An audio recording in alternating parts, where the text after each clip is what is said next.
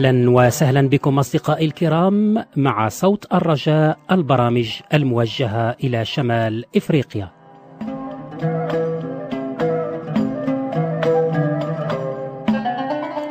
معكم وراء الميكروفون صديقكم كريم صلاح وأذكركم بأننا نقدم عنوان محطتنا خلال بث هذا البرنامج الذي سيدوم ربع ساعة تقريبا.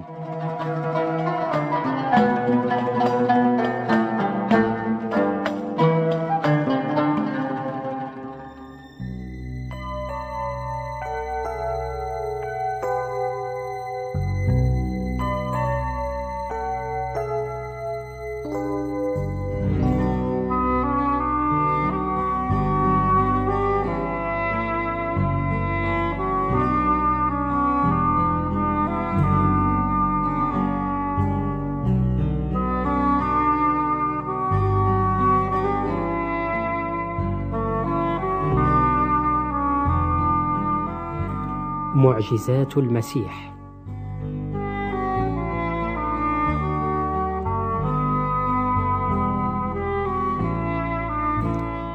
المسيح يمشي على الماء ويسكن العاصفة.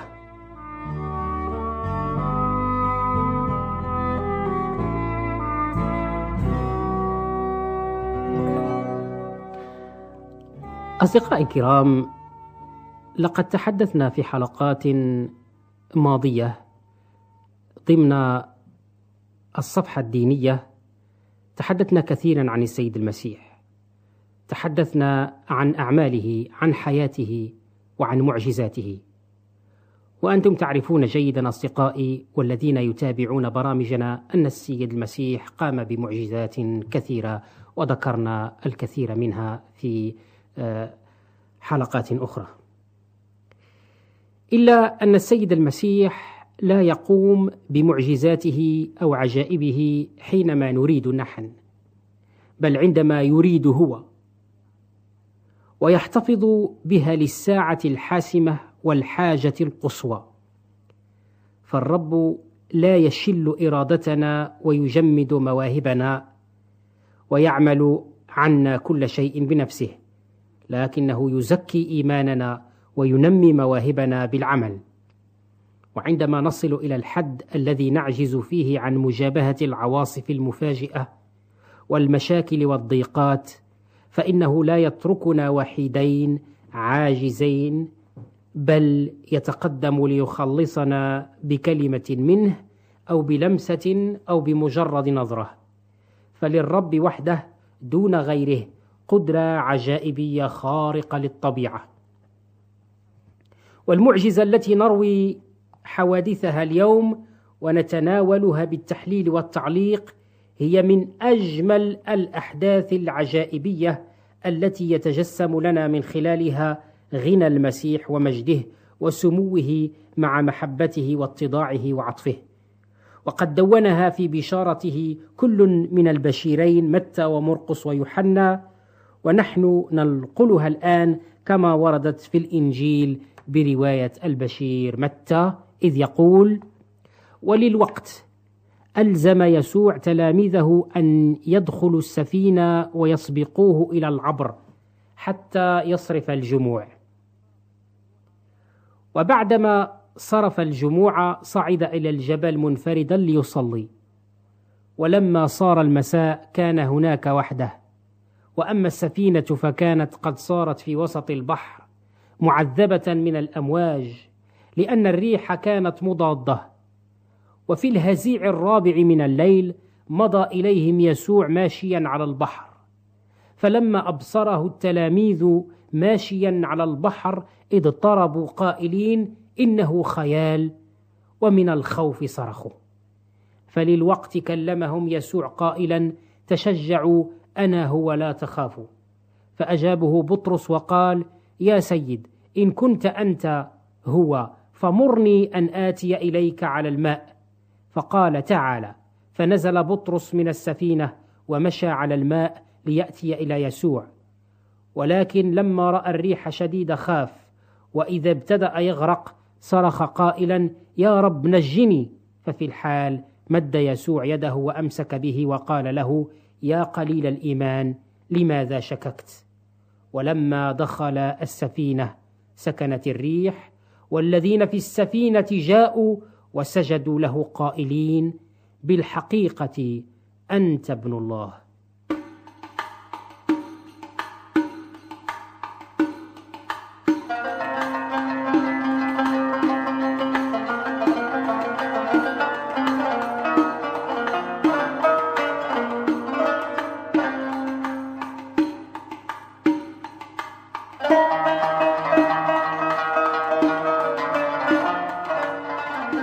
صديقي المستمع بعدما قام يسوع بإشباع الجموع التي بلغ عددها حوالي خمسة آلاف شخص من خمسة أرغفة وسمكتين طلب من تلاميذه أن يسبقوه إلى العبر كما سمعناه حتى يصرف الجموع المحتشدة بهدوء. فالجموع بعد تلك العجيبة ازدادت حماسا وحاولت أن تختطف يسوع وتتوجه ملكا أرضيا يسد احتياجاتهم ويمنحهم الغلبة على أعدائهم علما أنه لم يأتي ليكون ملكا أرضيا بل سماويا يملك على قلوب البشر. لكن المعلم ألزم تلاميذه أن يدخلوا السفينة ويسبقوه إلى العبر حتى لا يتحمسوا هم أيضا لأنهم كانوا ينتظرون مثل هذه الفرصة ليتمجد معلمهم وينالوا هم رغباتهم الشخصية. وبعدما صرف الجموع ذهب يسوع إلى الجبل منفردا ليصلي وبقي حتى بعد منتصف الليل. وهناك على سطح بحر الجليل كانت السفينة الصغيرة التي تحمل التلاميذ تتقاذفها العواصف والأمواج الهائجة التي تحدث عادة بشكل مفاجئ في ذلك البحر. وتعذب التلاميذ وخافوا وتمنوا لو كان يسوع معهم. وانتظر يسوع حتى الهزيز أو حتى الهزيع الرابع أي القسم الأخير من الليل إذ قسم اليهود الليل إلى أربعة أهزعة وذلك ليقوي إيمانهم وصبرهم. ففي أحلك ساعات الظلمة بينما كانت السفينة تعلو وتهبط وتتأرجح ظهر المنقذ يسوع وتقدم نحو تلاميذه ماشيا على سطح المياه فظن التلاميذ أنهم يبصرون شبحا فاضطربوا وصرخوا إذ من يستطيع من الناس أن يسير على المياه؟ وجاءهم الصوت الحلو المشجع والمعزي تشجعوا أنا هو لا تخافوا. عندما سمع بطرس أحد التلاميذ ذلك الصوت شك بأنه قد يكون السيد المسيح فقال له يا سيد إن كنت أنت هو فمرني أن آتي إليك على الماء. أراد بطرس أن يمشي هو أيضا على الماء ليتأكد أن ذاك كان يسوع نفسه. وبالطبع علم يسوع أن بطرس لم يكن يجربه بل كان طيب النية متسرعا في تصرفاته. لذلك قال له تعالى. فنزل بطرس من السفينة وابتدأ يمشي على الماء موجها نظره نحو المسيح. ولما ابتدأت الريح تشتد والأمواج تعلو خاف ونظر حواليه وشك في الأمر فابتدأ يغرق وصرخ إلى يسوع قائلا يا رب نجني. فمد يسوع يده وأمسك به.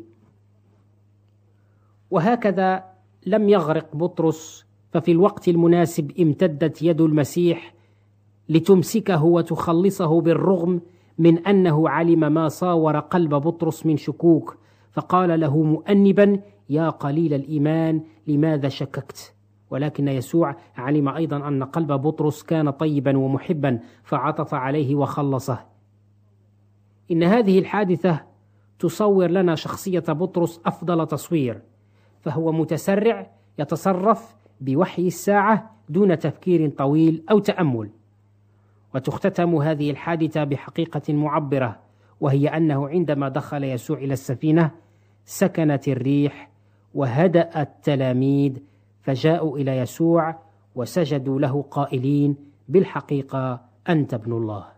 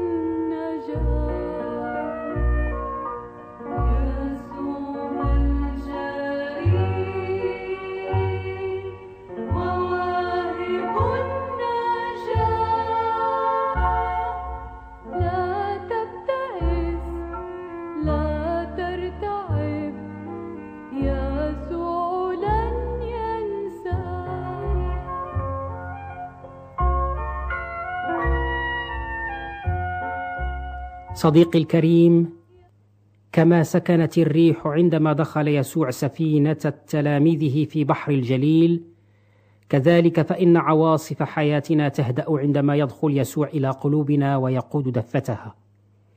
إنه يسير بنا إلى ميناء السلام والاطمئنان وينقذنا من كل شر بواسطة أعماله العجيبة كما يقول داود النبي في سفر المزامير من الكتاب المقدس النازلون إلى البحر في السفن العاملون عملا في المياه الكثيرة هم رأوا أعمال الرب وعجائبه في العمق.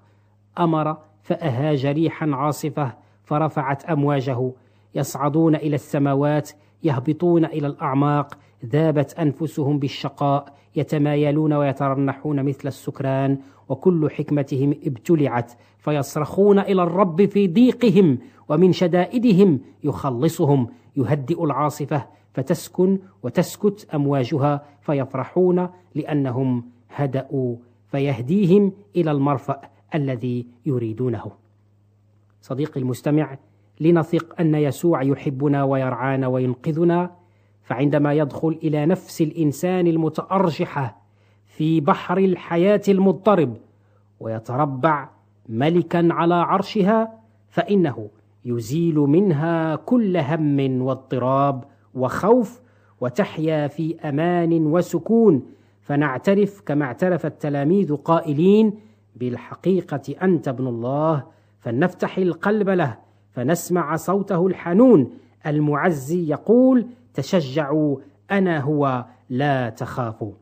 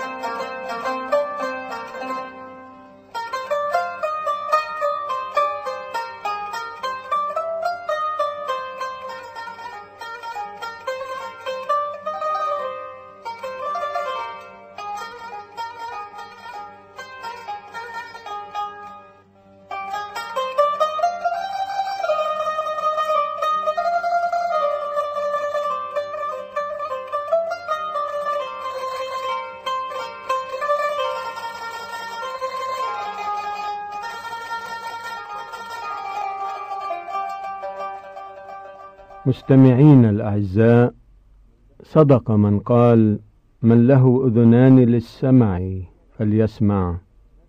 ولكن ماذا عن الذين لهم آذان ولا يسمعون؟ هذا ما سنراه في قصة الأصم الأبكم الذي أحضره بعض الأصدقاء إلى حضرة السيد المسيح للشفاء. أهلا بكم أيها الأعزاء في لقاء اليوم بعنوان عمل كل شيء حسنا. من برنامجكم دراسات كتابية. راجيا لكم على الدوام. كل البركة والعافية. نبدأ اللقاء بقراءة الآيات 31 إلى 37 من الإنجيل بحسب مرقس الإصحاح السابع. ثم خرج أيضا من تخوم صورة وصيداء وجاء إلى بحر الجليل في وسط حدود المدن العشر وجاءوا إليه بأصم أعقد وطلبوا إليه أن يضع يده عليه فأخذه من بين الجمع على ناحية ووضع أصابعه في أذنيه وتفل ولمس لسانه ورفع نظره نحو السماء وأن وقال له افتأ أي انفتح. وللوقت انفتحت أذناه وانحل رباط لسانه وتكلم مستقيما فأوصاهم الا يقولوا لأحد ولكن على قدر ما أوصاهم كانوا ينادون أكثر كثيرا. وبهتوا إلى الغاية قائلين انه عمل كل شيء حسنا. جعل الصم يسمعون والخرس يتكلمون. جرت هذه المعجزة الشفائية على يد السيد المسيح في منطقة المدن العشر حيث شفى المخلص المجنونين اللذين من جرجسه وفي تلك المدينة فزع الناس عندما غرقت الخنازير وطلبوا من الفادي أن يرحل عن تخومهم. ولكنهم أصغوا إلى ما قاله لهم. ذلك الرسولان اللذان تركهما السيد هناك. فكان الناس يرغبون أن يروه.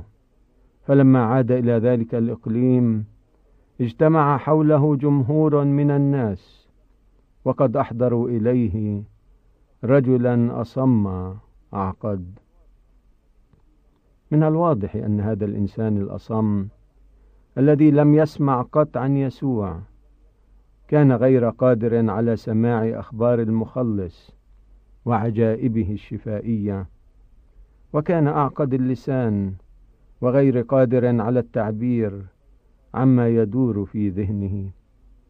ولنا وقفة هنا أيها الأعزاء لنشكر الله القدير على نعمة السمع والنطق حيث نستطيع أن نسمع بأنفسنا كلمة الله وتنطلق ألسنتنا بالحمد والتسبيح لبركات الرب الغزيرة علينا.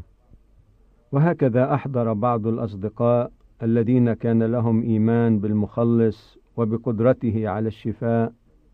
هذا الإنسان إلى السيد المسيح وطلبوا إليه أن يضع يده عليه أو بمعنى آخر تركوا للمخلص حرية التصرف واختيار الأنسب لوضع هذا الإنسان المحزن. كانت عادة السيد المسيح أن يشفي المرضى والمتألمين بطريقة علنية ولكنه أخذ هذا الإنسان من بين الجمع على ناحية لكي يشفيه. وفي هذا درس لنا نتعلمه من المخلص لكي نتعلم أن نعمل الصلاح بحيث لا ترانا إلا عينا الساهر القدوس. كما أراد السيد أن يتحاشى المزيد من الجموع في تلك المنطقة الأممية. كان بإمكان المخلص أن يشفيه بكلمة ولكنه وضع أصابعه في أذنيه فأعاد إليها السمع ثم لمس لسانه فأعاد النطق إليه ثانية ورفع نظره إلى السماء ليؤكد للمريض وأصدقائه أن يلتفتوا إلى فوق ليجدوا على الدوام مصدر العون والقوة من السماء. ثم أنه ليعبر عن حزنه لويلات الإنسانية وضعفاتها. تنهد ثم ذكر الآذان التي ترفض أن تنفتح للحق والألسنة التي ترفض الاعتراف بالفادي. وهل ذلك غريب عليه؟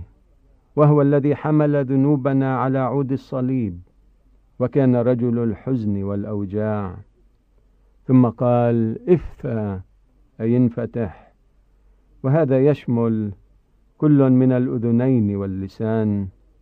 ويؤكد البشير مرقس قائلا وللوقت انفتحت أذناه وانحل رباط لسانه وتكلم مستقيما. هنيئا لمن يستطيع أن يرى المخلص بالقرب منه عند سماعه كلمة الحق وينطلق لسانه بالشكر له. نجد في هذه المعجزة الشفائية دروسا روحية حيث أن هذه المعجزة كانت تاكيدا لكون يسوع هو المسيح الذي تنبأ اشعياء النبي عن قوته الشفائية قائلا. حينئذ تتفقح عيون العمي وآذان الصم تتفتح. حينئذ يقفز الأعرج كالإيل ويترنم لسان الأخرس. كانت هذه المعجزة تأكيدا لمأمورية المناداة بالإنجيل وتأثير ذلك على عقول الناس. إن نعمة المخلص تتوجه للخطاة قائلة انفتح فهو تعالى يفتح القلوب لهمسات روحه والآذان لسماع كلمته والألسن لتلهج بحمده دوما. ولقد أوصى المخلص المريض الذي شفي وأصدقائه بأن لا يخبروا أحدا بما حدث. وفي هذا يقول البشير مرقس ولكن على قدر ما أوصاهم كانوا ينادون أكثر كثيرا وفي تواضعه أوصاهم السيد المسيح بأن يبقوا ما حدث لأنفسهم. علينا أن نفرح بعمل الصلاح وليس في أن يعرف الناس عما عملناه ومن شكرهم وامتنانهم لما حدث كانوا ينادون بما جرى وأذاع الرجل قصة شفائه في كل مكان. لقد بهتوا كثيرا لروعة ما شاهدوا وتهلل لسانهم قائلا إنه عمل كل شيء حسنا. جعل الصم يسمعون والخرس يتكلمون. صاروا شهودا لصلاح الرب وأعماله الشفائية. فبدون ثمن أو مقابل جعل الصم يسمعون والخرس يتكلمون. رب البار أيها الشافي الأعظم افتح أرجوك عيني لأرى قبسا من شريعتك. افتح سيدي آذاني لأسمع صوتك. يحدثني عبر همسات روحك. وافتح لساني اللهم ليفيض بالشكر والتسبيح لبركاتك ونعمك الدائمة علي. لك كل الحمد لأنك عملت كل شيء حسنا. شارككم مشوار الروح هذا من برنامجكم دراسات كتابية. ألقى السلام. هذه تحية. وفي رعاية الآب المحب نستودعكم.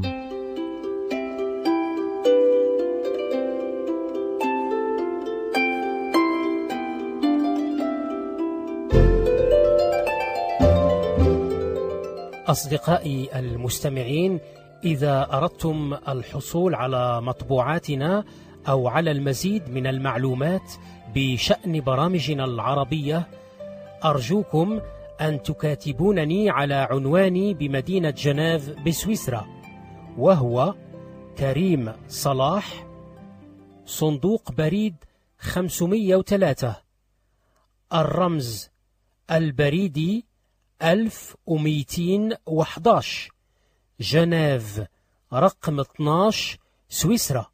أرجوكم أن تكتبوا العنوان باللغة الفرنسية كالتالي كريم. سلا case postale 503 1211 Genève 12 Suisse مرة أخرى العنوان بالفرنسية Karim Salah, case postale 503 1211 Genève 12 Suisse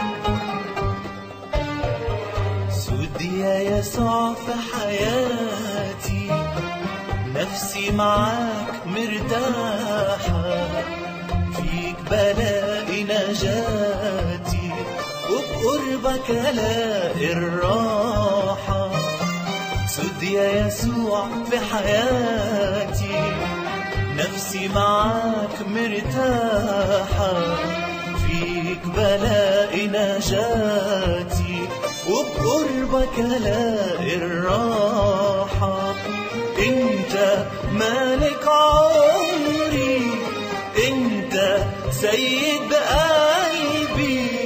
أنت وحدك راحة